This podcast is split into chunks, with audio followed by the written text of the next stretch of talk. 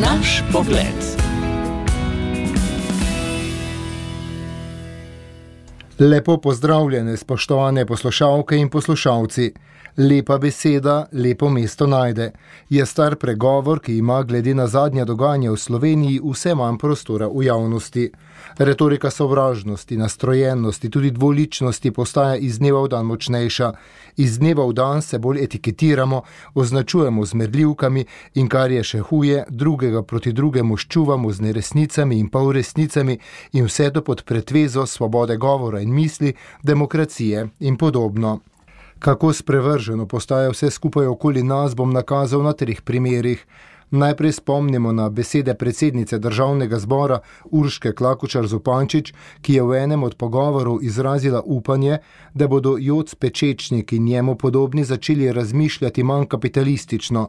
Kot predsednik kluba slovenskih podjetnikov, kot garažni podjetnik iz Šmarce in kot državljan Republike Slovenije iskreno prosim za pojasnilo, kje in kako sem postal kapitalist in zakaj mislite, da razmišljam preveč kapitalistično je v javnem pismu predsednico državnega zbora vprašal Pečečnik. Poudarja, da če bomo priča odnosu, ki ga vlada trenutno kaže, je v bistvu podjetnik edina mozna krava, potem ni optimističen. Pečečnik vladi še sporoča, da naj začne razmišljati malo manj socialistično in da se naj usmeri v pomoč podjetjem. Prej so nas ogrožale krize, zunani tekmeci, zdaj nas je strah, da nas bo ubila lastna vlada, pravi Pečečnik. Drug primer so besede zdravnika in politika Dušana Kebra, ki je svoje kolege v rohnenju na trgu republike označil za dvoživke in ni premogel niti ene besede zahvale za upravljeno delo, mu pa je uspelo izreči kup polresnic in laži. In kot je nedavno dejal Igor Dovnik, je zdravstveni sistem še ena redkih, če ne edina ostalina nekdanjega socialističnega sistema.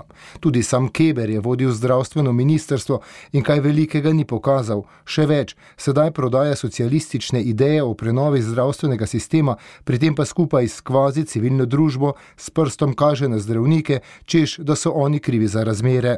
Vlade pa, kot da se to ne tiče. Takšnega sprenevedanja že dolgo nismo videli. Najbolj žalostno pa je, da pri tem sprenevedanju pomagajo večinski mediji, ki Kebra in njegove ideje ter ideje somišljenikov, ki jim je delo tuje, skoraj da označujejo za edine zveličavne. Tretji primer pa je kupovanje pravosodnih funkcionarjev, med katerimi so tudi sodniki, ki si ga je privoščil kar sam predsednik vlade Robert Golob. 600 evrov vsakemu na računu v prihodnih mesecih, mimo zakonodaje, mimo pogajanj, kar tako. Profesor dr. Jrne Letnar Černič je v pogovoru za naš radio opozoril, da dvomi, da imajo takšne obljube pravno podlago, da so zakonite in ustavne. Ker gre za dodatek stroki, ki bi morala biti neodvisna, se ne morem znebiti občutka, da gre za kupovanje teh ljudi, tudi na način, da premijeja in njegovih kolegov ne bodo preganjali. Mislim, da so vsi trije primeri zelo zgovorni in kažejo, kako dvolična je oblast. Sovraži kapitaliste, ki s plačevanjem davkov polnijo proračun, sovraži zdravnike, ki v javnem opravijo vse, kar morajo, ter na to izven tega časa še kaj zaslužijo, in poveličuje tiste, ki bi lahko oblast zaradi napak poklicali na odgovornost. Stampedo zahtev po višjih plačah, ki ga je sprožila vlada sama, se ne bo dobro končal.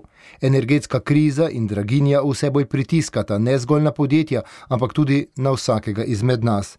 S kazanjem prsta na druge in iskanjem notranjega sovražnika se slovenska vlada in tudi družba oddaljujete od bistva, ki bi moralo biti v smeri delati dobro za vse in ne zgolj za nekatere dvigniti minimalno plačo za 100 evrov, potem pa vzgojiteljicam dvigniti plače za štiri plačne razrede, da se potem spet znajdejo na minimalni plači, je grd manever v primerjavi z dodatkom za sodnike in odvetnike v višini 600 evrov. Menim, da prihajamo vse bolj v čas, ko to vrstne solo akcije, ki sem jih naštel, ne bodo prispevale k povezovanju naroda. Če kdaj potrebujemo danes neko pomiritev in streznitev, ne zgolj v vladi, tudi v opoziciji, v cerkvi, v družbi nasploh. Postali smo vse bolj nestrpni, nesramni, uveljavljati hočemo zgolj svoje ideologije, svoj prav. Ne dovolimo si več poslušati nasprotnika, se z njim soočiti z argumenti. Dovolimo pa sovražiti, deliti, še več, eden drugega označevati za fašista, komunista, egoista, narcisa in še bi lahko našteval. Ker sem bil v minulih dneh nekaterih opazk deležen tudi sam, bom sklenil z mislijo. Dejanja in besede, poteze in odločitve naj ne bodo usmerjene zgolj do meni prijaznih ali naklonjenih ljudi, ampak do vsakega, ki ga srečam. Naj moje dejanje ne sproža negativnih verižnih reakcij. Če bi se tega držali najprej tisti, ki trdimo, da smo kristijani, potem sem prepričan, da bi lahko vplivali tudi na druge. Naš pogled sem pripravil Alen Salihovič. Naš pogled.